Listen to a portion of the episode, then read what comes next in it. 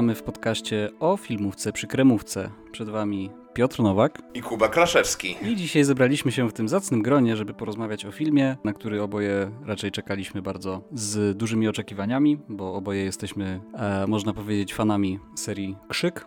No i tak się złożyło, że na początku marca tego roku dostaliśmy szóstą część tej znamienitej serii i o niej dzisiaj sobie porozmawiamy w tym podcaście. Tak, y, jak możecie pamiętać, jeszcze nie mieliśmy odcinek dodatkowo, w którym omawialiśmy wszystkie poprzednie części Krzyk, więc jeżeli chcecie znać y, nasze jakby pełniejsze myśli o całej tej serii, to polecamy. Link do tego odcinka będzie pewnie w poniżej w opisie albo gdzieś na ekranie się pojawi. Zachęcamy bardzo do oglądania, bo tam y, omawiamy każdą część po kolei. Tutaj raczej myślę nie będziemy się już to aż tak zagłębiać, bardziej może omówimy ją porównując do poprzedniej części tych twórców, czyli yy, piątki też zrobionej przez Radio Silence, czyli Matt Bettinelli Olpin i Tyler Gillette. Myślę, że warto też zaznaczyć na samym początku, że będziemy raczej się tutaj skupiać spoilerowo na tym filmie, ponieważ no, jest już on w kinach od prawie miesiąca, jeśli dobrze liczę. A też e, uznaliśmy wspólnie przed nagraniem, że po prostu jeśli chcemy porozmawiać o tym filmie, no, mm, o konkretnych rzeczach, które nam się podobały, nie podobały, no to jednak tych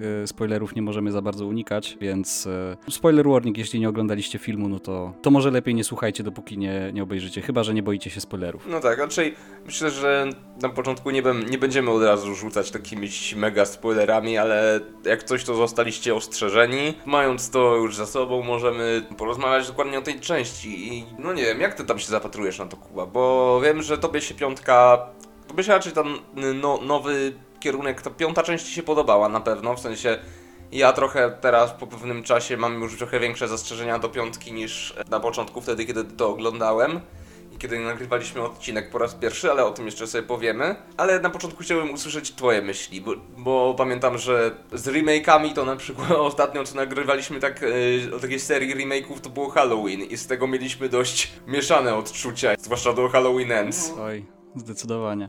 E, no moje zdanie na temat krzyku jako całej serii już e, znasz i słuchacze myślę też znają. Jeśli nie, no to odsyłamy jeszcze raz do e, zeszłorocznego odcinka, gdzie omawiamy całą serię. Krzyk Piątka. Osobiście bardzo lubię ten film. Mm, teraz nie wracałem do niego, przynajmniej nie w całości, przed tym e, nagraniem, kiedy jestem na świeżo po szóstce, no ale nie oglądałem go aż tak dawno, żeby go nie pamiętać, może, może tak. Nadal, pomimo kilku drobnych wad, ja bardzo lubię ten film i bardzo lubię to, ten kierunek, jaki, jaki obrał tam ten film. I też yy, dlatego szedłem na szóstkę z dużymi nadziejami, no poniekąd też dlatego, że no, ci sami twórcy się za to zabierają. Poniekąd też dlatego, że osobiście uważam, że Krzyk, jak yy, mało która długo grająca, że tak powiem, seria horrorów trzyma równy poziom praktycznie od początku do końca, z małymi odchyłami tam, no ogólnie się uznaje, że trójka jest y, najsłabsza. Ja, ja osobiście lubię trójkę. Tam generalnie... Jak oglądałem, to zgadzam się y, z tym podejściem, że jest najsłabsza, ale po czasie myślę zacząłem trójkę doceniać bardziej na podstawie tego, co zamierzała osiągnąć. Mimo wszystko sama postać też, to wiesz, Romana y, jako brata Sydney, przedstawienie i motyw był naprawdę w tym w trójce był ciekawy, tylko no mam wrażenie, że tutaj było kwestia trochę momentami wykonania i tego i tych zmian scenariuszowych, co wspomnieliśmy wcześniej. No tak, tak. Tak, ale trójka osobiście przynajmniej ja mam takie odczucie, że trójka to jest taki film, który zyskuje trochę po czasie. Przynajmniej u mnie tak było, że przy pierwszym seansie miałem trochę, trochę zastrzeżeń, ale jak teraz wracam do niego myślami, nie wiem na ile to jest e, kwestia, nie wiem czy można to już nazwać nostalgicznym podejściem, bo ja ten film pierwszy raz oglądałem w zeszłym roku, ale po prostu zyskał u mnie jakoś tak po czasie. Natomiast już trochę nawiązując do tej szóstki, no to to może być kontrowersyjne, co powiem, ale no słuchajcie, mamy to. Krzyk szóstka to jest pierwszy krzyk, który mnie rozczarował. Serio? E, tak, przy czym nie uważam, że jest to słaby film, do czego jeszcze później się odniosę, bo uważam, że to jest niezły film, natomiast e, jako, jako całość, e, jako część tej serii, no trochę mnie niestety rozczarował, ale to potem powiem na konkretnych przykładach. No dobra, to tutaj może być ciekawa dyskusja, bo mi, jak o tym myślałem, to mi trochę, e, jak mówiłem, ta piąta część krzyku trochę mniej się zaczęła. No, miałem problemy z piątą częścią krzyku już wcześniej i potem faktycznie jak to jeszcze raz sobie przypomniałem, to trochę te problemy były bardziej jeszcze tak mi świeżbiły. I miałem wrażenie, że Krzyk 6 mi się trochę bardziej podobał. Zdecydowanie bardziej mi się podobał od piątki. Trochę problemy, które są w piątce też tam niestety to, co mnie trochę irytowało, występuje w szóstce ale mam wrażenie, że o wiele bardziej. Sceny z szóstki o wiele bardziej mi zapadły w pamięć niż sceny z piątki. Może to czas, kwestia oglądania, ale mam wrażenie, że przede wszystkim o wiele bardziej. Sceny, w którym się pojawia Ghostface, były od razu o wiele bardziej zapadające w pamięć niż w poprzednim filmie. I osobiście ustawiłbym go, bo też nie jestem za. Yy, tak jak ludzie mówią, że to jest najlepsza część krzyku zaraz po jedynce. U mnie ranking wygląda tych części tak. Jedynka wiadomo, na pierwszym miejscu to jest oryginał. To cytując Sydney Prescott, Don't fuck with the original. To, to jest złota zasada, której się tutaj będę trzymał. Ciężko dać na jakkolwiek innym miejscu film, który zredefiniował ten gatunek horroru cały i tych, wiesz, że przez to rozpoczął tę nie modę na samoświadomość tych filmów, że to już nie było samych takich slasherów i a już dostaliśmy filmy nie, nie dość, że całą warstwę meta, o której mówiliśmy jeszcze wcześniej, no naprawdę porządny horror, który odwracał wiele tych oczekiwań, na przykład, że pierwszą ofiarą była najpopularniejsza aktorka tamtych czasów, Drew Barrymore. Cały ten wątek z postaciami, nawet, wiesz, z Billego i Stu, którzy też byli najlepszymi Ghostface'ami, go, najlepszym Ghostface'em byli. Najlepsza Final Girl Sydney Prescott. To jedynka zawsze na pierwszym miejscu. Na drugim miejscu dla mnie to jest Krzyk 4, który był według mnie jest najlepszym, jednym z najlepszych remake'ów, jeśli w tym, w tym czasie, latach, wiesz, dwa, bo to było chyba 2010, jakoś te, te lata to było, mm, tak. te były. Dla mnie to było mega. Film był trochę wyprzedzał swoje czasy na moje. Zarówno nawiązaniami do social mediów i ten, mm, sama motywacja Ghostface'a, czyli Jill Roberts i Charlie Walkera, żeby po prostu nagrywać te zabójstwa i zamieszczać je w sieci, no to szczerze mówiąc ja się zdziwiłem momentami, że to jest coś, co mogło być to spokojnie teraz motywacją, tylko wiadomo, zamiast tej kamerki, co oni mieli, to to smartfony. Więc mam wrażenie, że Krzyk 4 pod tym względem wyprzedził swój czas. Plus Jill jest moim drugim ulubionym Ghostface'em, to też w tym wszystkim. No Emma Roberts tutaj zrobiła według mnie jedna z lepszych ról zdecydowanie. Bardzo fajne odwrócenie tych oczekiwań, wiesz, odnośnie remake i nowa e, Final Girl. Tutaj mm, remake i nowa Final Girl jest tym, zabójcą. Tam nie było w tamtym czasie, jak to oglądałem, to miałem takie wow, naprawdę mi, ja, to był chyba pierwszy film, co nie wiedziałem kto jest faktycznie zabójcą, bo jedynkę, dwójkę i tam trójkę to pamiętałem, coś jeszcze wiesz, bo to jeszcze na internecie nawet słyszałem. No trójkę najmniej pamiętałem, bo to wiesz, mam wrażenie, ludzie najmniej mówili, ale z jedynki to wiedziałem, że to Billy i Stu tak naprawdę jak zacząłem oglądać. Dwójką to o matce i o Richim to też słyszałem wcześniej, jakoś, że to matka Bilego. A czwórka to faktycznie mnie mocno, trochę tak wtedy miałem takie wow. Tu się z tobą zgodzę. Dla mnie top notch. Potem Krzyk 2, naprawdę solidny sequel, który według mnie bardzo mocno rozbudował też te postacie i sukcesem przeniósł całą akcję poza Woodsboro e, do tego koledżu. Mieliśmy właśnie to dość, dość ciekawą tą grupę przyjaciół Sydney, która też została znowu była mordowana przez Ghostface'a. I na końcu bym dał później piątkę z trójką razem, bo to do tej pory jak miałem. Piątka naprawdę według mnie mimo wszystko udany powrót do yy, korzeni serii tylko trochę, jak to słyszałem, taką, jakiś nasz znajomy to napisał na tym, na Filmwebie, że trochę za dużo Force Awakens, za mało Last Jedi. To nie wiem, kto to napisał. Y, po części, nie pamiętam już, ale wiem, ale po mhm. części się zgodzę z tą recenzją odnośnie piątki, że piątka jednak bardzo dużo czerpała z pierwszej części Krzyku. Plus nie do końca byłem fanem tego, jak była napisana postać tej głównej bohaterki, y, wiesz, z ha całymi ha motywem halucynacji swojego jej ojca. Mhm. W ogóle o tym powiem więcej, ale pewien motyw to kojarzył mi się trochę z Rivendale, z tym nowym krzykiem. Nie wiem, czy załapiesz jaki, ale później to opowiem. No ale poza tym Krzyk 5 jednak mi się podobał, bo był jednak brutalnością przewyższał każdą poprzednią część.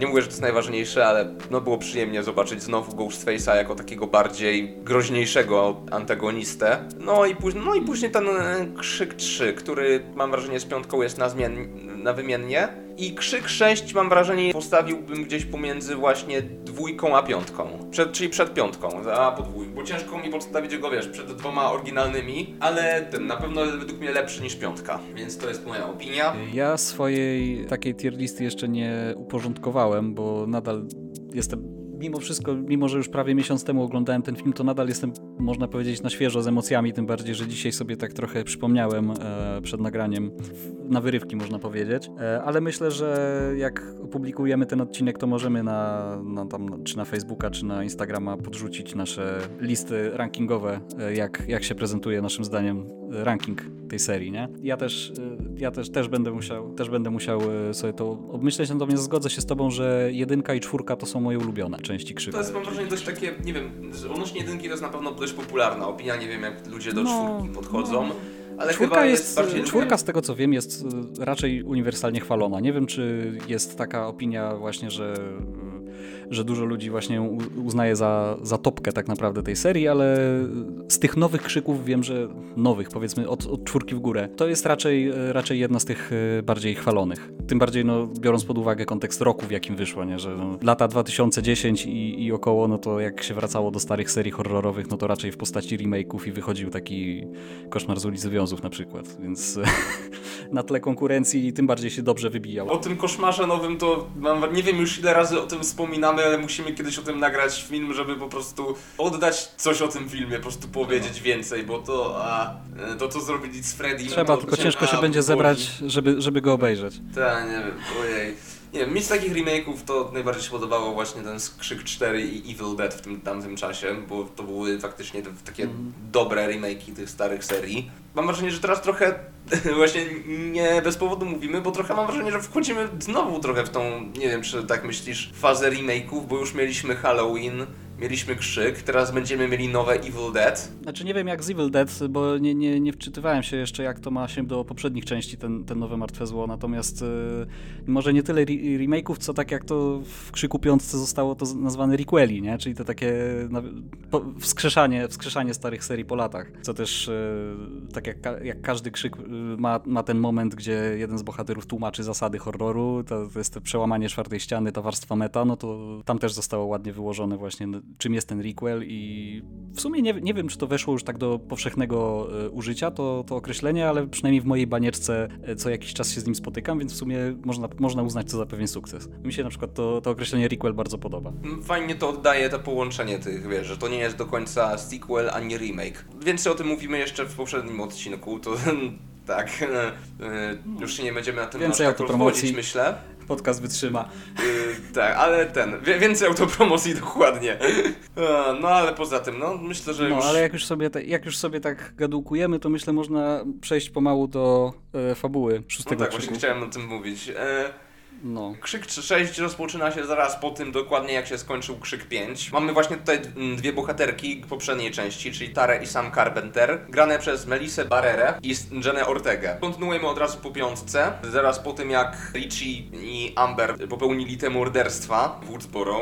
Widzimy konsekwencje tego, jak bohaterki radzą sobie z tym i motyw tego jak bardzo internet bierze i zaczyna od razu przekłamywać fakty i teorie spiskowe, że to tak naprawdę ludzie zaczynają myśleć, że to sama popełniła te morderstwa i wrobiła Richiego i Amber, co też jest dość ciekawym komentarzem społecznym.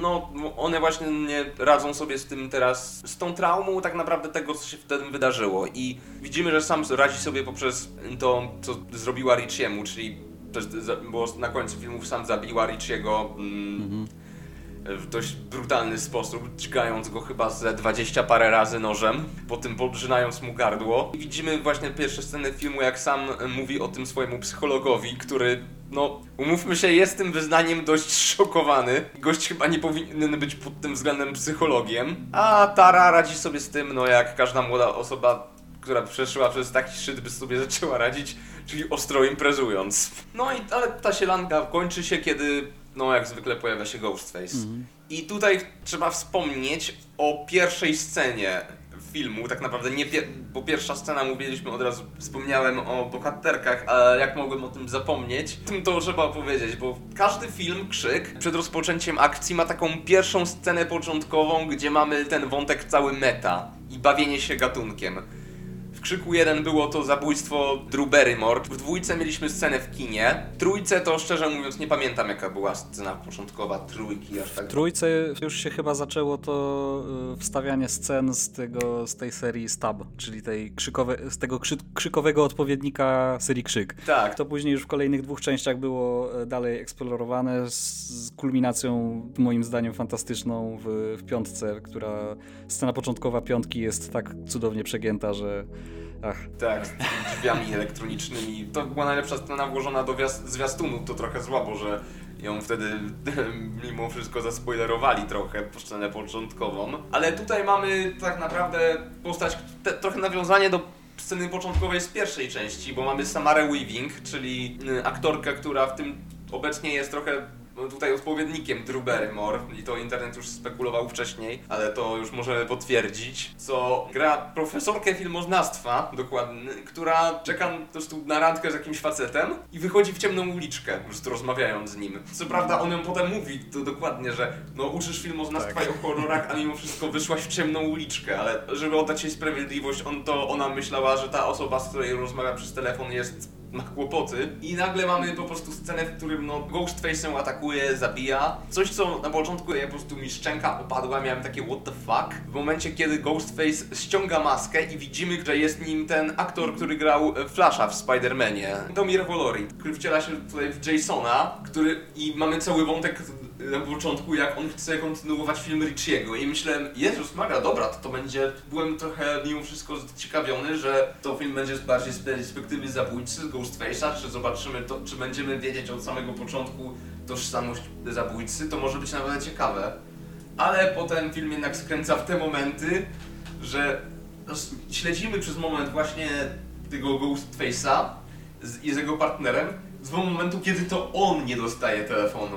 Yy, Na początku myślę, że to jego kumpel, a później zaczyna się typowy ten yy, cytat What's your favorite scary movie? I mamy ten właśnie głos oryginalnego aktora podkładającego głos pod Ghostface'a i moment, gdzie po prostu otwiera lodówkę, a tam rozczłonkowane ciało nagle jego yy, współpracownika, czyli drugiego Ghostface'a. Jak jeden Ghostface atakuje drugiego Ghostface'a tak naprawdę. Ta scena Who gives a fuck about movies, co już nam, co już z początku daje nam trochę hint, że to już nie będzie to, co było w piątej, że to już motywem nie będzie część toksy, toksyczna część fandomu. Ta pierwsza scena jest naprawdę fajna, aczkolwiek myślę, że ona trochę wpłynęła na mój koniec końców raczej chłodny odbiór tego filmu, bo no chcąc nie chcąc, jak dostajemy taki, może rewolucyjne to jest za duże e, stwierdzenie, ale taki, no, takie odwrócenie oczekiwań w tej pierwszej scenie, gdzie no de facto w pierwszych minutach filmu poznajemy tożsamość zabójcy. Ja już sobie na sali kinowej siedząc, tak y, zobaczyłem tą scenę i tak mówię, o, to jest ciekawe. I y, ułożyłem sobie w głowie pewien obraz tego, jak to może wyglądać dalej. W mojej głowie wtedy się zrodził taki pomysł, że to będzie, że cały film będzie polegał na tym, że się pojawi, z racji tego, że film y, dzieje się w trakcie nocy halloweenowej, że pojawi się kilku różnych Ghostface'ów, poprze- po prostu poprzebieranych i będzie ten jeden główny, ten, który pojawia się na trailerze, ten taki y, zupełnie inny niż wszyscy, który będzie na nich, po, na nich polował. I to był ten taki y, obraz tego filmu, który ja sobie złożyłem w, w przypuszczeniach moich, w, w mojej głowie na podstawie tej pierwszej sceny. No, koniec końców wyszło zupełnie inaczej i nie powiem, mm, chciałbym obejrzeć taki film. Bo to, kurczę, to się zapowiadało naprawdę spoko. Właśnie y, w tym, w tym aczkolwiek no, nie, nie, chcę, nie chcę, żeby wyszło, że ja skreślam cały film na podstawie tego, jak sobie, wiesz, wyobraziłem, co będzie, bo ja nie chcę być jak y, właśnie ten toksyczny fandom, który jest y, obiektem krytyki w piątej części. Natomiast y, no jednak y, ta scena zrobiła tyle dobrego, co, co złego dla mojego odbioru tego filmu. Trochę się zgodzę tutaj, ale powiem tak, że po tym jak się ten film skończy, to pomysł Ghostface'a polu, polującego na innych Ghostface'ów mam wrażenie nie jest do końca przekreślony, bo przecież widzimy jak na końcu sam podnosi tę maskę. W sensie co prawda ją upuszcza później swojego ojca, ale mam wrażenie, że to może cię być ciekawie kontynuowane mimo wszystko w kolejnej części ten wątek, bo nie wiem czy chcą do tego dojść, ale mam wrażenie, że trochę do tego nawiązują z tymi wszystkimi halucynacjami jej yy, i już z, tym, z tymi trochę powtarzającym się pojawianiem Bilego tak, e, z piątki, jak to widzieliśmy. To tak, i powiem ci, to też, to też przez chwilę to rozważałem. Przez chwilę to rozważałem, bo jak zaraz po tym otwarciu dostajemy scenę, gdzie sam jest, uczestniczy w terapii i widać, że te, te wydarzenia z piątej części no, wywarły na nią duże, duże wrażenie i ma, ma traumę z tego powodu, tak? E, ja przez pewien czas tego filmu miałem takie podejrzenie, że może się okazać, y, że to właśnie ona jest y, pod maską. Drugim moim przypuszczeniem było to, że Gail Weathers jest zabójcą w tym filmie, ale no ani jedno, ani drugie się nie potwierdziło, koniec końców. I może, może ja nie powinienem obsadzać tych morderców, bo nie wiadomo, czy by to wyszło dobrze, ale Ja, myśl, ja osobiście myślałem, że to może Kirby się okazać mordercą na początku.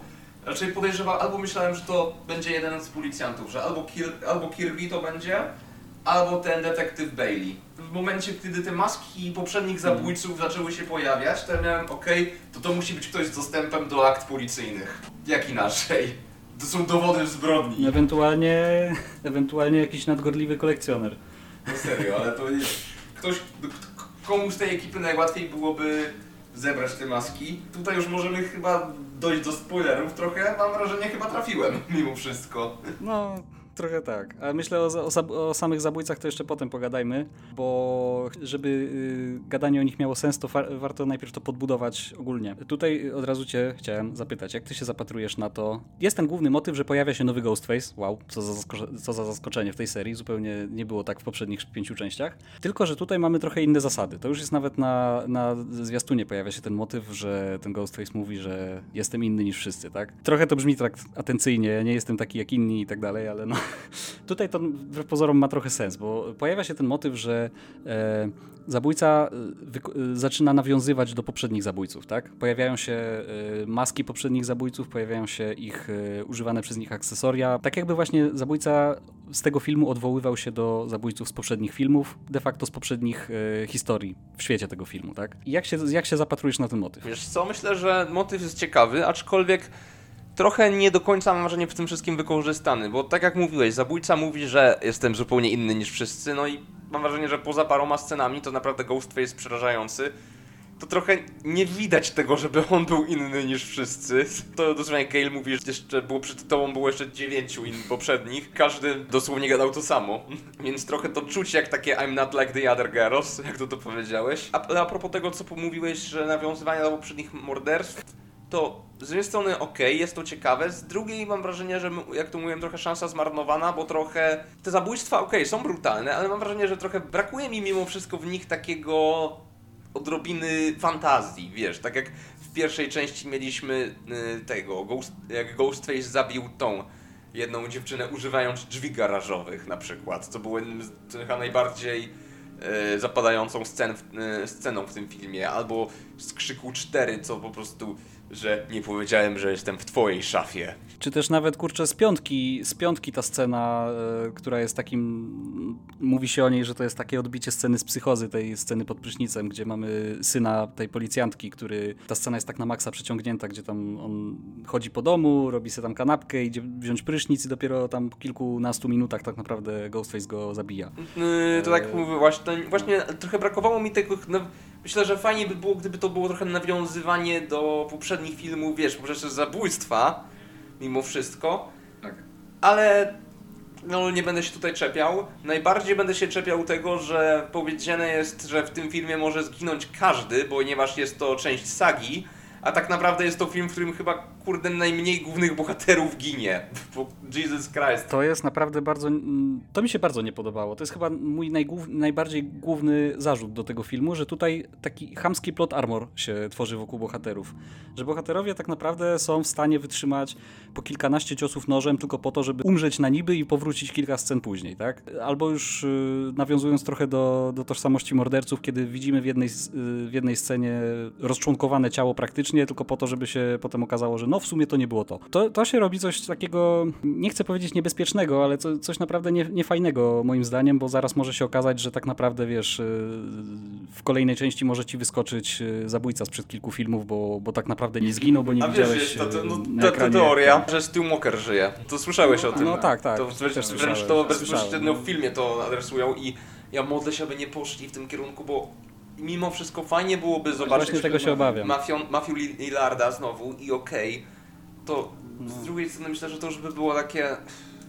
No naciągane to mało powiedziane, No bo wiadomo. jego głowa została Wiadomo, zmierzona przez telewizor, to o ile tego bardzo No. dobrze nie uzasad... Przede wszystkim on nie miałby w ogóle żadnego, mam wrażenie, dobrego motywu, aby jakkolwiek gonić córkę mm, Bilego, czyli Sam i Tarę. Jak bardziej zemsta na Sydney, ale Mhm. to już i tak byłoby to trochę przeciągnięte, jeżeli chcemy robić e, fabułę z nowymi postaciami, to, to już właśnie mam nadzieję, że w tym kierunku nie pójdziemy, ale to No to właśnie by jak było pierwsza rzecz- maksymalnie durne, tak, szczerze mówiąc. No, to już zdecydowanie, to już byłby tak wątek na zasadzie Michael Myers to klątwa druidów.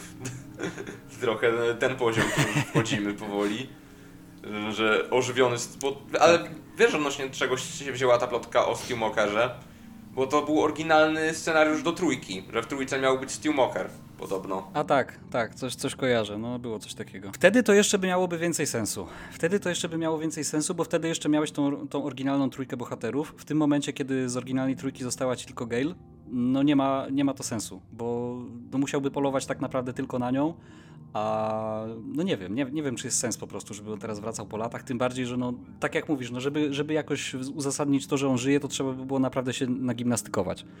A nie wiem, czy ta seria potrzebuje czegoś takiego w tym momencie. Czyli to właśnie, tak mówię, mój pierwszy problem to armor, drugi problem to to, jak ten film trochę mimo wszystko traktuje te legacy characters, z których została tylko Gale, bo okej, okay, Dewey w poprzednim filmie mam wrażenie był faktycznie pełnił rolę takiego, rolę, którą miał pełnić i dla mnie on był naprawdę, naprawdę spoko w poprzedniej części i tym, że już był taki, że taki zniszczony mimo wszystko policjant po tych po przejściach, który jest mentorem dla grupy i w naturalnym kierunku idzie, że to jego śmierć. Ale tutaj mam wrażenie, że Gale zaraz po tym jak w piątej części mówi, że nikt nie powinien wiedzieć co się stało y, z tymi ludźmi, zatacza pełne kółko do tego, co zrobiła w dwójce i pisze o tym książkę.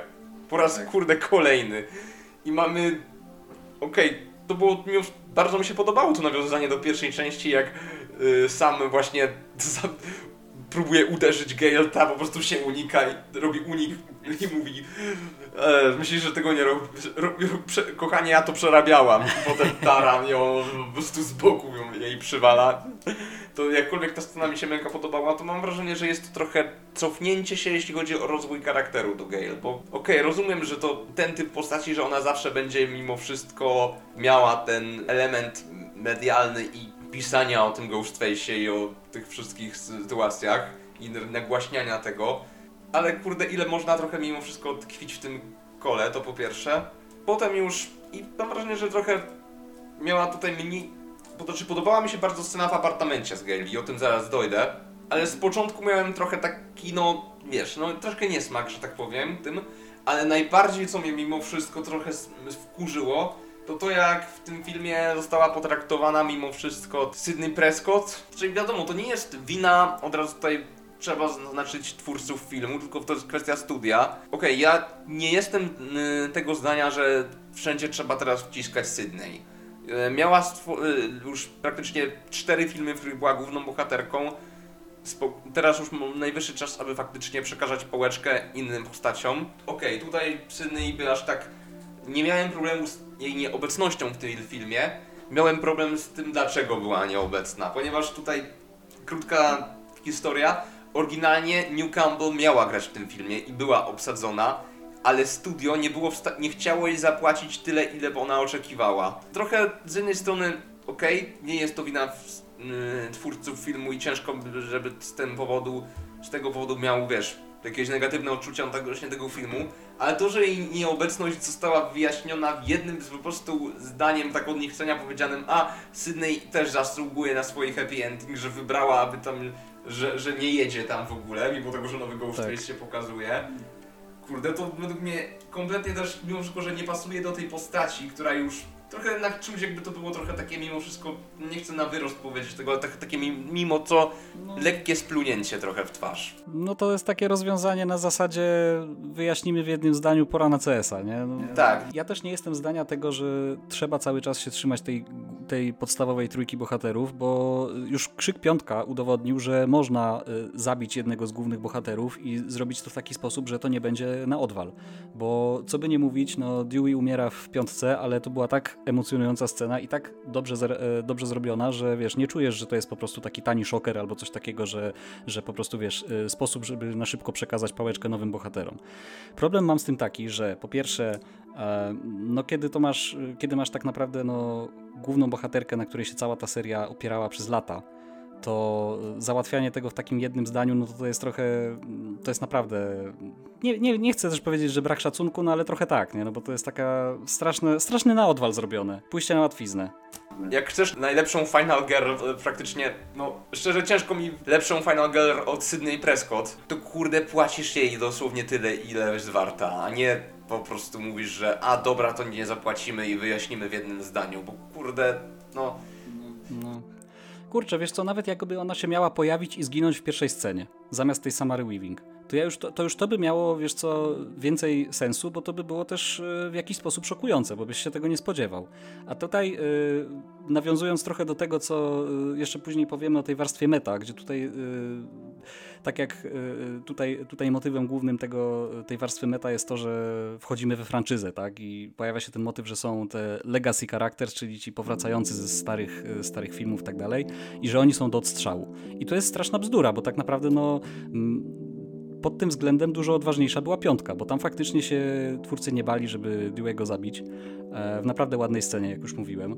Tutaj e, Sydney tak naprawdę no, no nie ma jej. I, I to jest na maksa durnie uzasadnione, jak już mówisz. A kiedy już mają na przykład szansę, żeby zrobić e, scenę śmierci Gail Weathers, no to ta scena w apartamencie moim zdaniem by dużo lepiej działała, gdyby ona po prostu zginęła tam, a nie, że no, poranił ją i uciekł. Wiesz co, z jednej strony się zgodzę, a z drugiej nie do końca, bo zgodzę się z tym, że ten film faktycznie jest bardzo zachowawczy, jeśli chodzi o te swoje core 4, yy, to core 4 bohaterów, którzy tam samiście mówią i że nie chce zabijać żadnego, bo rozumiem, że jest to nawiązanie do oryginalnego trio, ale jedna postać, przynajmniej jedna z postać z tego oryginalnego trio powinna umrzeć tak samo jak kurde umarł Randy w dwójce. I to była najbardziej fan favorite postać i mam wrażenie, że tutaj mieli szansę zrobić z Gale niekoniecznie, bo okej, okay, też mnie to zdziwiło, jakim cudem ona to przeżyła, w sensie, no... Ran, nie, wiem, nie wiem, nie jestem ekspertem od tego, jak przeżyć ranę kłutą noża, ale myślę, że to, to nie jest tak, że dostaniesz no, nożem... się, ona tam, ona tam trochę dostała tych ciosów, więc no to, to jest trochę zastanawiające, jak ona to przeżyła. W serii ona jest, raczej w serii ona już nieraz dostała, mam wrażenie, te ciosy nożem, więc to nie byłby pierwszy raz, ale mam wrażenie, że w tym momencie, jak ty powiedziałeś właśnie o Sydney i o Gale, ja mam wrażenie, że one zasługują na coś lepszego, bo ta scena w apartamencie była dobra, ale mam wrażenie, że zarówno Gale, jak przede wszystkim Sydney, jeżeli mieliby umrzeć, to w jakiś naprawdę mocniejszy sposób i bardziej taki emotional impact, bo no mimo wszystko to, to, to są postacie, które jednak głównie utożsamiasz z tą marką i one na to by zasługiwały. Więc niekoniecznie tu się zgodzę, że zabójstwo Sydney w pierwszej scenie byłoby, co prawda szokujące, ale byłoby mimo wszystko trochę głupie i ludzie by się wkurzyli.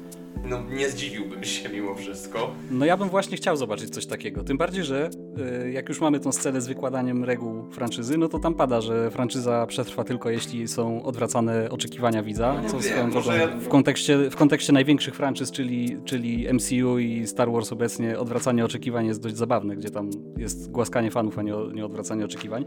Ale jeszcze na szybko dokończę co, y, swoją myśl. E, czaję, że chcieli mieć jed, chociaż jedną postać z tych legacy characters przy życiu. Tylko, że, tak jak mówię, ja, jakbym miał to robić, to ja bym y, zrobił tak, że faktycznie w tej scenie w apartamencie Gail ginie i wtedy zostaje ci Kirby, która na tym etapie już można ją pod, podciągnąć pod legacy charakter. I to by było też o tyle spoko, że przeważnie w tych requelach, tych y, nawiązaniach do starych y, serii, no to masz te legacy characters, to są ci bohaterowie tak naprawdę z tych pierwszych części. A tutaj y, jako krzyk, że jako, jako seria, która bawi się z oczekiwaniami widzów tak naprawdę od samego początku i wywraca oczekiwania e, na wielu, na wielu polach, no to, to by było spoko, gdyby wprowadzić legacy charakter y, jako y, właśnie postać z tych legacy characters, która zostaje, ale nie z tej podstawowej, z pierwszej części na przykład, nie? Tylko Kirby, która zadebiutowała w czwórce, jeśli się nie mylę. Tak, w czwórce. I no to okej, okay, dobra, jest to ciekawy pomysł, no ale mimo wszystko było jak było.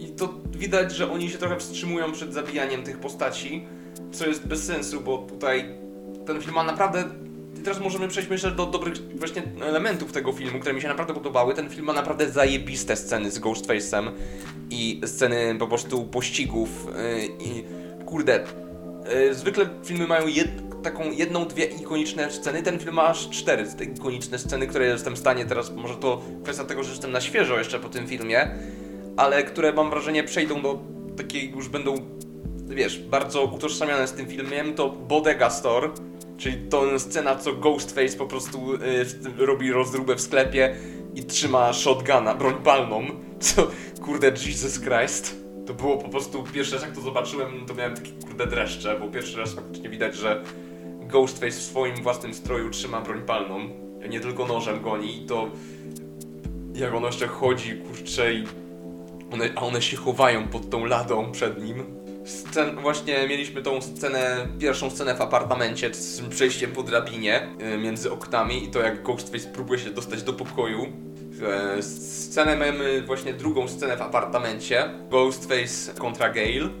No i scena w metrze, która według mnie, jakkolwiek kocham tą postać, bo postać jest zarąbista. mm, Postać Mindy, która w tym filmie, no, w całej, mam wrażenie, nowej serii odgrywa postać Randiego e, z oryginału. I mamy scenę w metrze, to według mnie ona niestety z punktu widzenia logicznego w filmie, ona powinna być dead.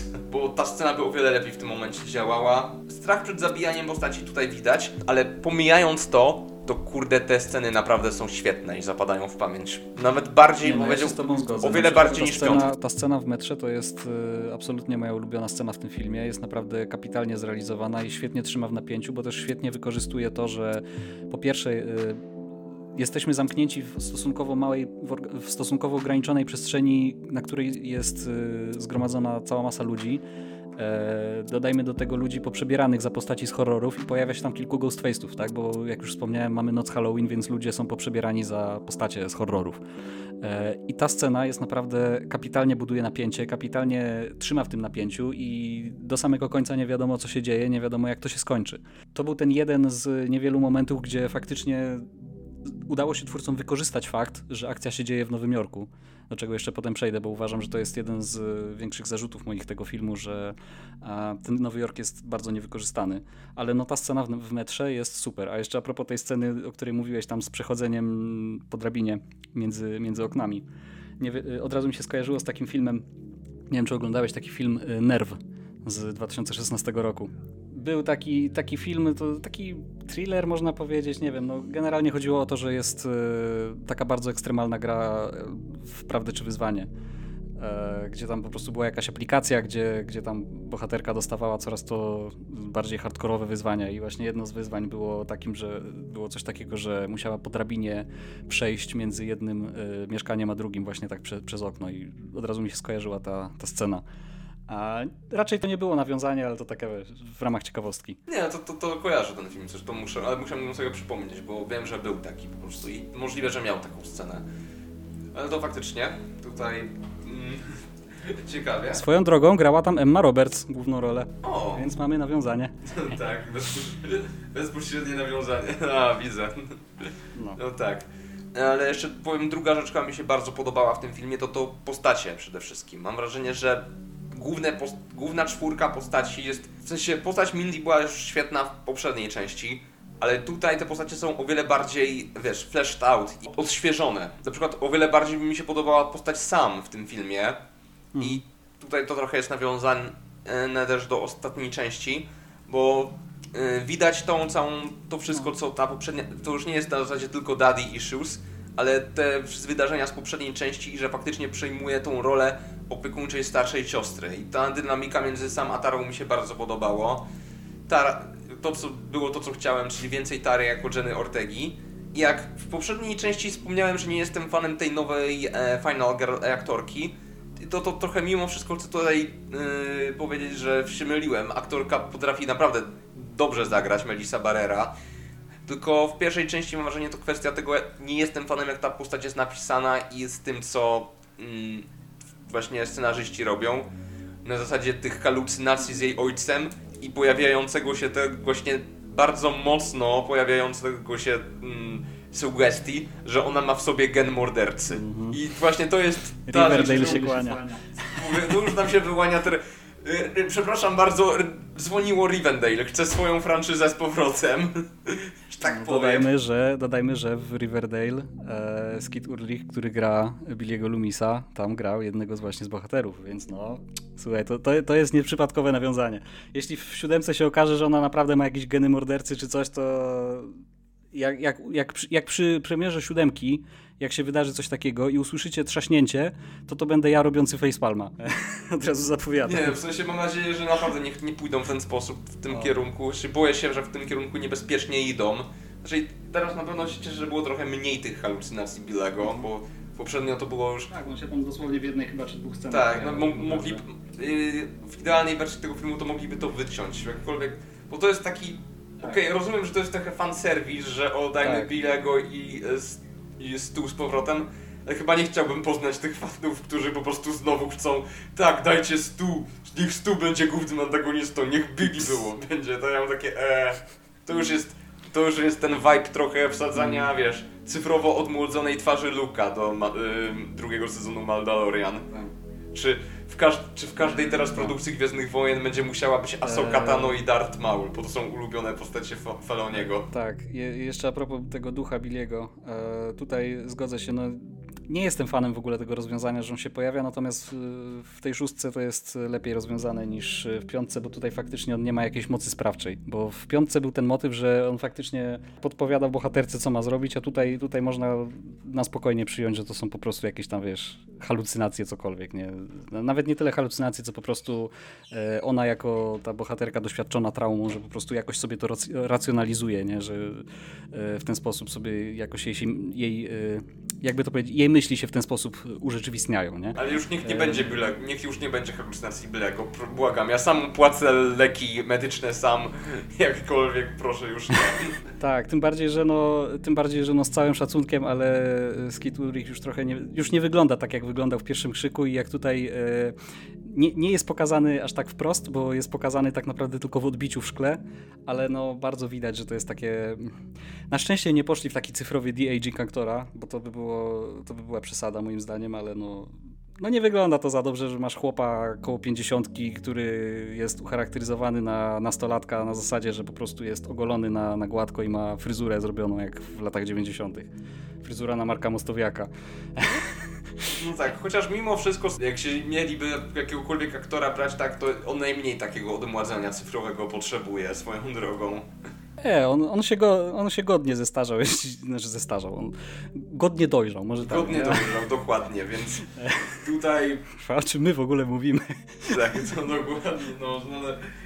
No dobra. I tak, oprócz tego, że te postacie są o wiele, mam wrażenie, odświeżone, to mi się mega podobało, zwłaszcza postać Chada, który tutaj w poprzedniej części on nie, nie, nie zrobił na mnie jakiegoś wrażenia, w sensie, no był spoko, ale tutaj widać naprawdę ta postać e, przyjmuje rolę też takiego, mimo wszystko, obrońcy tej grupy i Po prostu przyjmuje rolę Czada, rolę Chada, tak.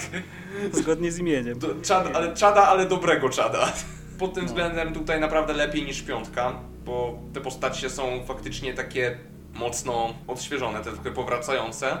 No plus, plus te nowe postacie są bardzo ciekawe, tak jak postać e, chociażby tego detektywa Bailey, Bailey'ego, mm, czy postać Queen, jego córki Queen, takiej bardzo sex positive nastolatki, Itana, typowy nie, nieśmiały nastolatek, postać Danego, który jest e, chłopakiem sam, kolejnym love interest dla niej.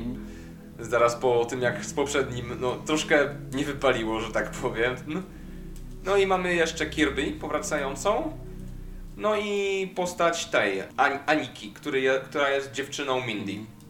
Która, no, która też była spoko. W sensie, to, tutaj mam wrażenie, czułem, że ta grupa przyjaciół jest na pewno bliżej niż w piątce, bo w piątce to miałem momentami wrażenie, że to są ludzie, którzy zaraz się do sobie momentami rzucą do gardła. To tutaj czuć było tą, mimo wszystko, taką tą więź przyjaźni tutaj, bardziej niż w tej piątej części. No i mam wrażenie, że te postacie przede wszystkim trochę bardziej zapadły w pamięć mi. Tak, bo przede wszystkim jak, to, jak jest ograniczone do tej czwórki, nie? Tam Core 4, czy jak, jak w polskim tłumaczeniu bardzo fajnie to jest oddane czworo z Woodsboro. E, zaci- zacieśnili to do tej czwórki postaci i pozwoliło to tak naprawdę trochę rozwinąć ich charaktery i że faktycznie mamy jakąś sympatię do tych postaci. No, nawet, nawet ten czat, który moim zdaniem nie, nie chcę powiedzieć, że to jest zła postać, nie? Po prostu z tej całej czwórki ten czat mi się jakoś najmniej y, zapada w pamięć, y, ale ogólnie no to jest bardzo fajnie, bardzo fajna grupa bohaterów i dlatego też y, powracam do tego, co mówiłem. Byłbym bardzo za tym, żeby po prostu już wyeliminować Gale na tym etapie i po prostu skupić się na tej czwórce. No tak, to można byłoby już tak zrobić, ale ten, no myślę, że chcą jednak Gale dać bardziej godną śmierć niż w ten sposób, bo tutaj ona, po tym jaką ona walkę stawiła yy, Ghostface'owi w tym apartamencie i jak bardzo skopała mu tyłek, to trochę głupio byłoby, gdyby nagle tak umarła. No właśnie nie, ja się nie zgodzę, słuchaj, bo to, to by było bardzo badasowe mimo wszystko, nie? Jakby ona go tam nakopała i w ogóle i potem jeszcze dostałaby tak jak, tak jak dostała tyle, tyle, tyle ciosów nożem, to no nie wiem, no ja jestem zdania, że już trzeba się pożegnać z tymi po prostu starymi postaciami i dać szansę nowym, bo jeśli ta seria ma dalej trwać, no to nie ma sensu jej ciągnąć na, na starych postaciach, no ale... W tym naszych problemach. Myślę, że możemy już spokojnie przejść do końcówki i do y, Ghostface'a, Ghost, Ghostface'a, żeby powiedzieć o tym, kim jest Ghostface, czyli i o motywacji, bo to jest jednak jeden z głównych, e, wiesz, no, z głównych cech e, serii Krzyk, to, że każdy Ghostface ma inną motywację, mimo wszystko. I może tutaj się ciebie spytamy, jak właśnie ty się napatrujesz na, ten go, na tego Ghostface'a? Czy faktycznie inny niż wszyscy? Czy takie tylko gadanie I'm not like the other girls, tak jak ja to powiedziałem? No niestety. E, niestety moim zdaniem to on jest inny na papierze tak naprawdę. On, on, e, ten Ghostface jest, e, on jest inny jeśli chodzi o powiedzmy warstwę wizualną, bo tutaj faktycznie jest dużo bardziej brutalny, dużo bardziej poważny. Już nie ma tego, wiesz, e, motywu, co był w każdej części, że, e, że on się tam potyka o własne nogi i się wywraca co chwilę. Tutaj faktycznie widać e, też, tobie też pamiętam się rzuciło od razu w oczy, mm, już na etapie trailerów, na, nawiązanie trochę wizualne do Michaela Myersa z tej nowej trylogii Halloween, gdzie miał taką bardzo podniszczoną tą maskę, nie tak bardzo wchodził po prostu jak maszyna do zabijania. On jest bardzo brutalny w tej, w tej, w tej części.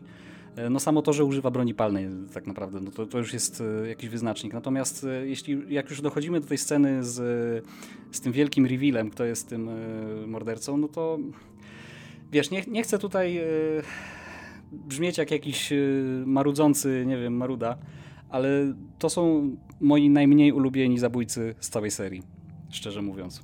Jeśli, jeśli chodzi o samą motywację, jeśli chodzi o to, kto, kto nimi jest. Znaczy ja, ja tak naprawdę mam tak, że ja lubię wszystkich tych morderców i z, Ghost, z, z, z krzyku nawet tego z trójki, to tutaj mamy z kolei trzech Ghostface'ów, bo no okazuje się, że podobnie jak w dwójce, tutaj zaspoilerowałem trochę już wcześniej, mm.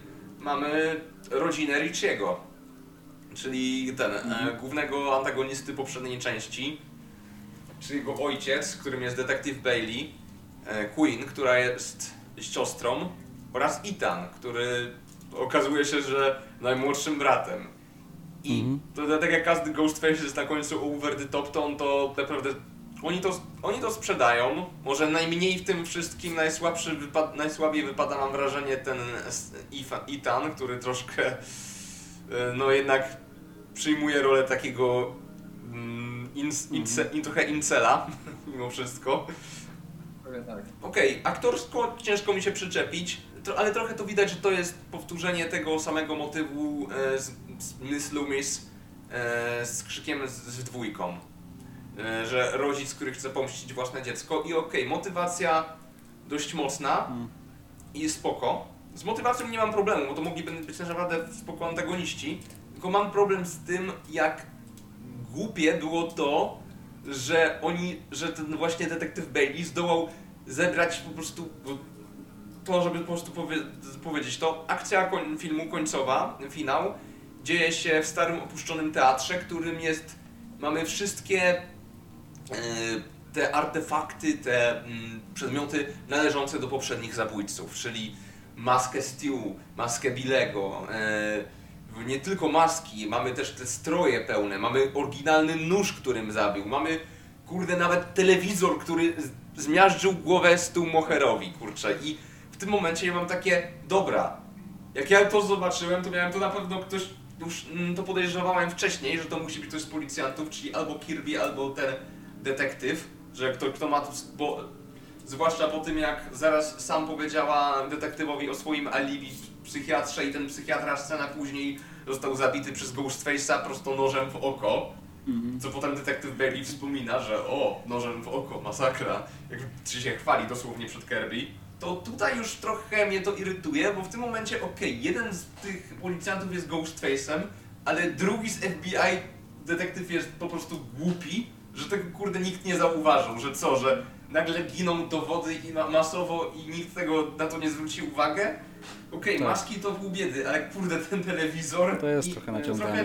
Sama tego, koncepcja tego takiego, sama koncepcja tego takiego powiedzmy muzeum Ghostface'a jest naprawdę fajna, bo to fajnie wygląda wizualnie, nie? Nawet jak to na, na, na zwiastunie było to e, ujęcie pokazane, jak oni tam pierwszy raz wchodzą i tam wiesz, zapala się ta lampa nad tą sceną i tam widać te wszystkie manekiny ustawione te, w, tych, w tych wszystkich strojach. To wygląda wizualnie, to wygląda naprawdę kapitalnie. Gorzej jak się zaczniesz nad tym zastanawiać, to to nie ma sensu po prostu.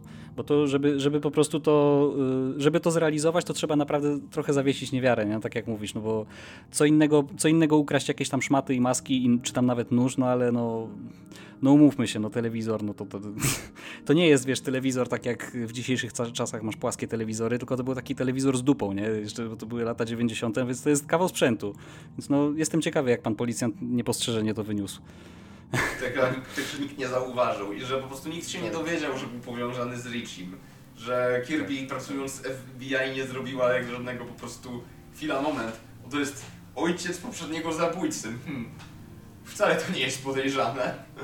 No trochę rozczarowujące, aczkolwiek nie zgodzę że, się, że to jest najgorszy Ghostface, ponieważ to jest, wiesz, nie można tutaj patrzeć tylko na samo odkrycie Ghostface'a i na samą motywację, trzeba też patrzeć na to, co robił wcześniej, czyli wszystkie te zabójstwa i sceny, z którymi jest zapadł w pamięć. I tutaj bym nie powiedział przez to, bo sam fakt, wiesz, sam ten, sam, sama scena w sklepie i w metrze, które są moje ulubione, to ciężko mi już tutaj stawiać, że to są moi najmniej ulubieni antagoniści w tej serii.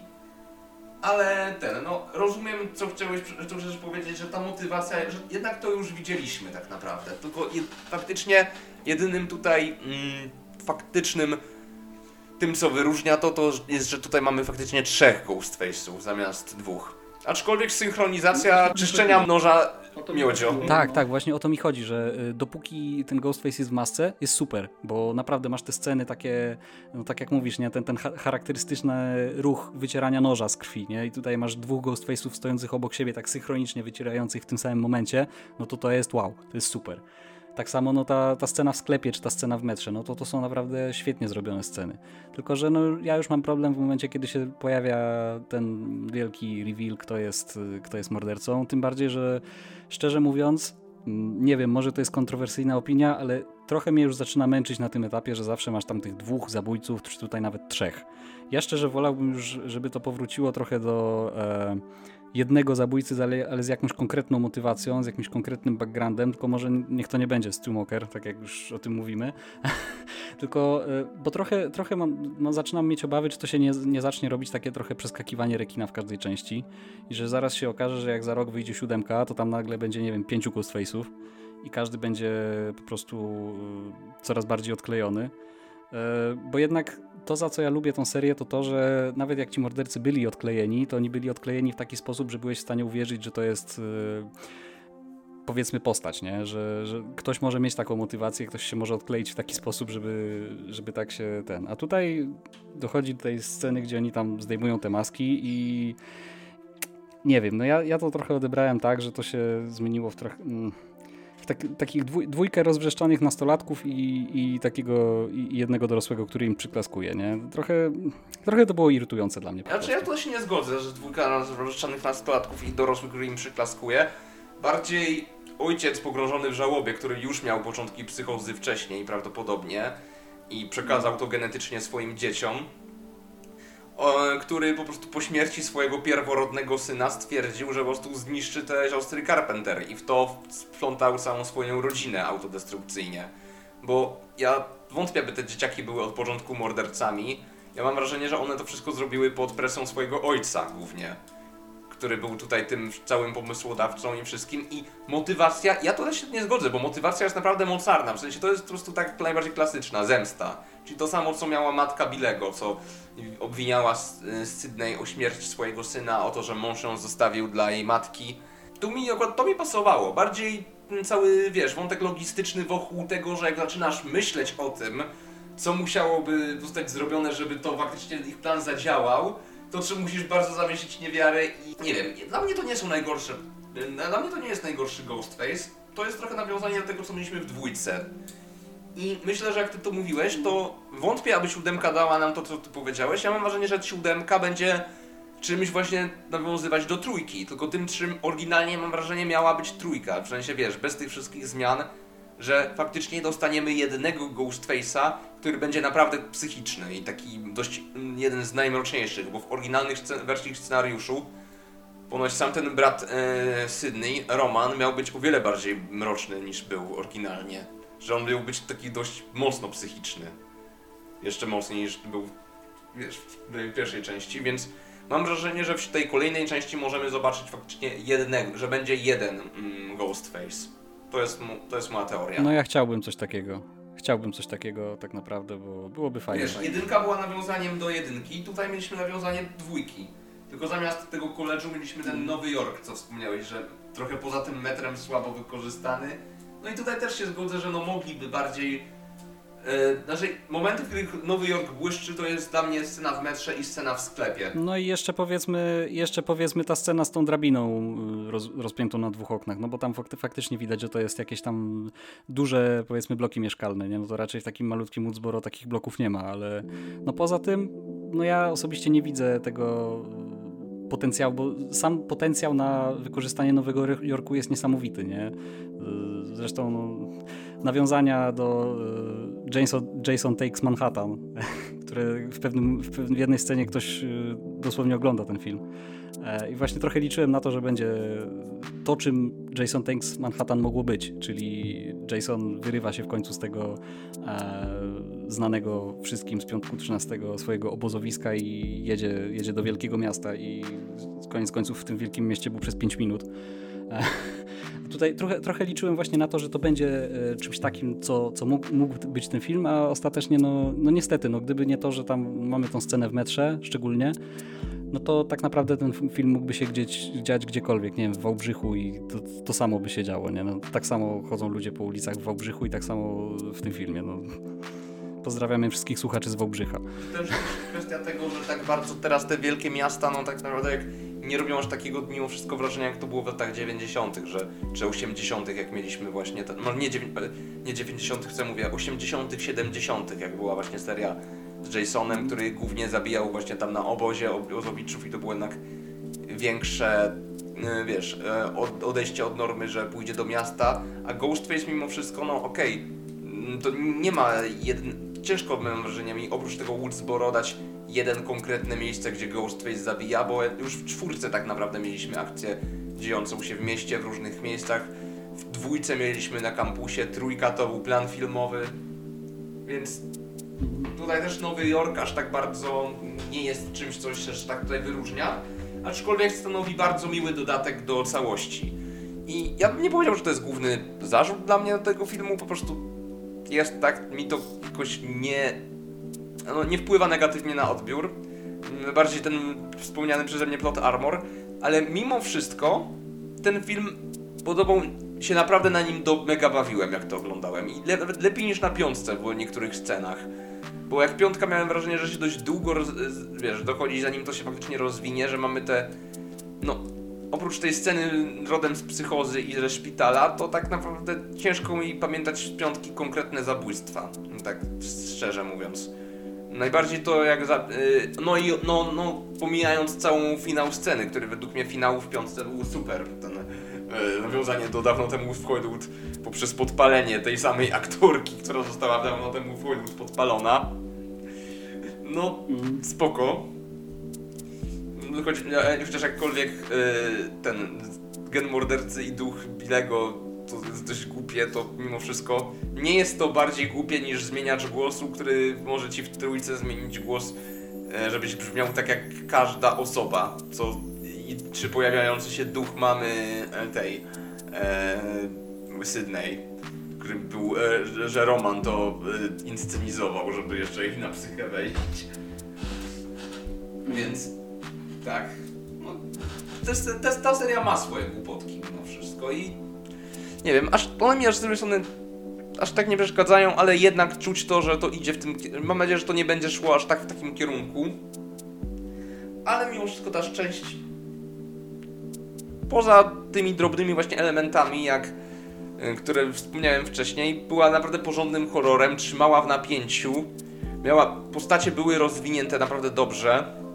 Nawet pod względem, yy, wiesz, nawet zdjęcia były świetne. Trochę przydałoby się czuć więcej tego otwartego Nowego Jorku, ale mimo wszystko sposób nakręcenia tego filmu naprawdę był no, film naprawdę dobry, mi się podobał mimo wszystko. No ja tak jak mówiłem na początku, e, jestem rozczarowany trochę tym filmem, natomiast nie uważam, że jest zły. E, uważam, że to jest naprawdę ok slasher, jest e, naprawdę przyjemnie się to ogląda, natomiast w serii takiej jak Krzyk, no to film, który jest po prostu ok, to jest dla mnie trochę za mało. I trochę mnie niepokoi, że ta siódemka jest już za rogiem tak naprawdę, że w przyszłym roku dostaniemy kolejny film z tej serii, bo wolałbym, żeby te filmy, wiesz, powstawały, nie wiem, nawet co 2-3 lata, ale byłyby bardziej bardziej przemyślane, bardziej takie.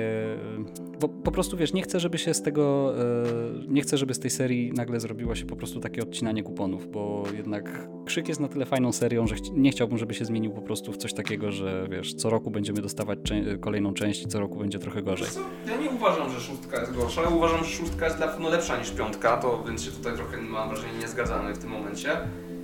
E, po, po, tym względem, że mam wrażenie, że lepiej te postacie są e, potraktowane w czymś, że bardziej możesz się z nimi utożsamić momentami i że ta aktorka, która gra sam, ma tam faktycznie więcej do zagrania i te sceny z Ghostface'em są o wiele bardziej zapadające w pamięć i faktycznie jako slasher nawet lepiej, wiesz, trzyma, nawet faktycznie jest straszniejszy niż piątka momentami, to trzeba powiedzieć sobie szczerze mówiąc, że ja, w ja tutaj w szóstce naprawdę jak oglądałem, to momentami miałem serio w kinie ciary. Dostawałem, jak e, chociażby miałem takie, o Jezu, jak ja rzadko się boję na horrorach, to tutaj miałem takie, czy nie powiem, nie powiem, że się bałem, ale miałem takie, Jezus Maria, kurde, dzieje się mocno. I wielki plus, że ta Core 4 cały czas praktycznie była razem i widzieliśmy te relacje postaci między nimi. Także mówię, no ja jestem trochę, ja jestem trochę rozczarowany, ale no mówię, no nie uważam, że to jest y, jakiś bardzo zły film, tylko no po prostu trochę nieprzystający może dla mnie osobiście do, do całej tej serii i wolałbym, żeby jednak y, nawiązując do tego, co się dzieje w warstwie meta tego filmu, żeby, żeby Krzyk się nie zmieniał w kolejną po prostu franczyzę. Żeby to była bo swoją drogą to jest dość dziwne, że tutaj mówią o franczyzach, gdzie mi się zawsze franczyzy bardziej kojarzyły z czymś takim jak Gwiezdne Wojny na przykład, że masz e, powiedzmy serię główną filmów, e, potem serię jakichś spin-offów, jakieś seriale, gry, książki i tak dalej. No chyba, że tak jak spotkałem się z, takim, e, z, takim, z taką interpretacją, że nie, nie Krzyk, ale sam Ghostface jest swego rodzaju franczyzą na tym, na tym etapie, że on się już pojawia, wiesz, nie tylko w filmach, ale jest po prostu, wiesz, taką ikoną popkultury, czy tam się pojawia też gościnnie w jakichś grach i tak dalej, bo dzięki Bogu Krzyk jeszcze się nie doczekał spin-offów i wolałbym, wolałbym żeby, żeby do tego nie doszło, że zaraz dostaniemy, nie wiem, spin-off o tym, jak Gail Weathers y, pisze książkę na przykład. Nie, to, to, musi być Ghost. Jeśli chodzi o krzyk, to to musi być Ghostface w tym wszystkim, wiesz, bo już próbowali zrobić serial Krzyk bez Ghostface'a. Nie, serial jest naprawdę dobry. Przynajmniej, przynajmniej dwa sezony są naprawdę dobre. Słyszałem, jest spoko, ale później wrócili do Ghostface'a, bo tam chyba nie mieli wcześniej, nie wiem, czy to kwestia praw Nie, wiesz co, on jest, jest Ghostface, tylko ma inną maskę. Taką, dużo bardziej taką... Nie chcę powiedzieć creepy, taką bardziej, taką bardziej, wiesz co, jakbyś sobie wyobrażał, jakby ją próbował ktoś dostrasznić. Yy... Tak, wiem, widziałem. Na siłę dostraszniony. Znaczy, mm. nie jestem fanem designu tej maski, ale sobie ten serial muszę kiedyś zobaczyć.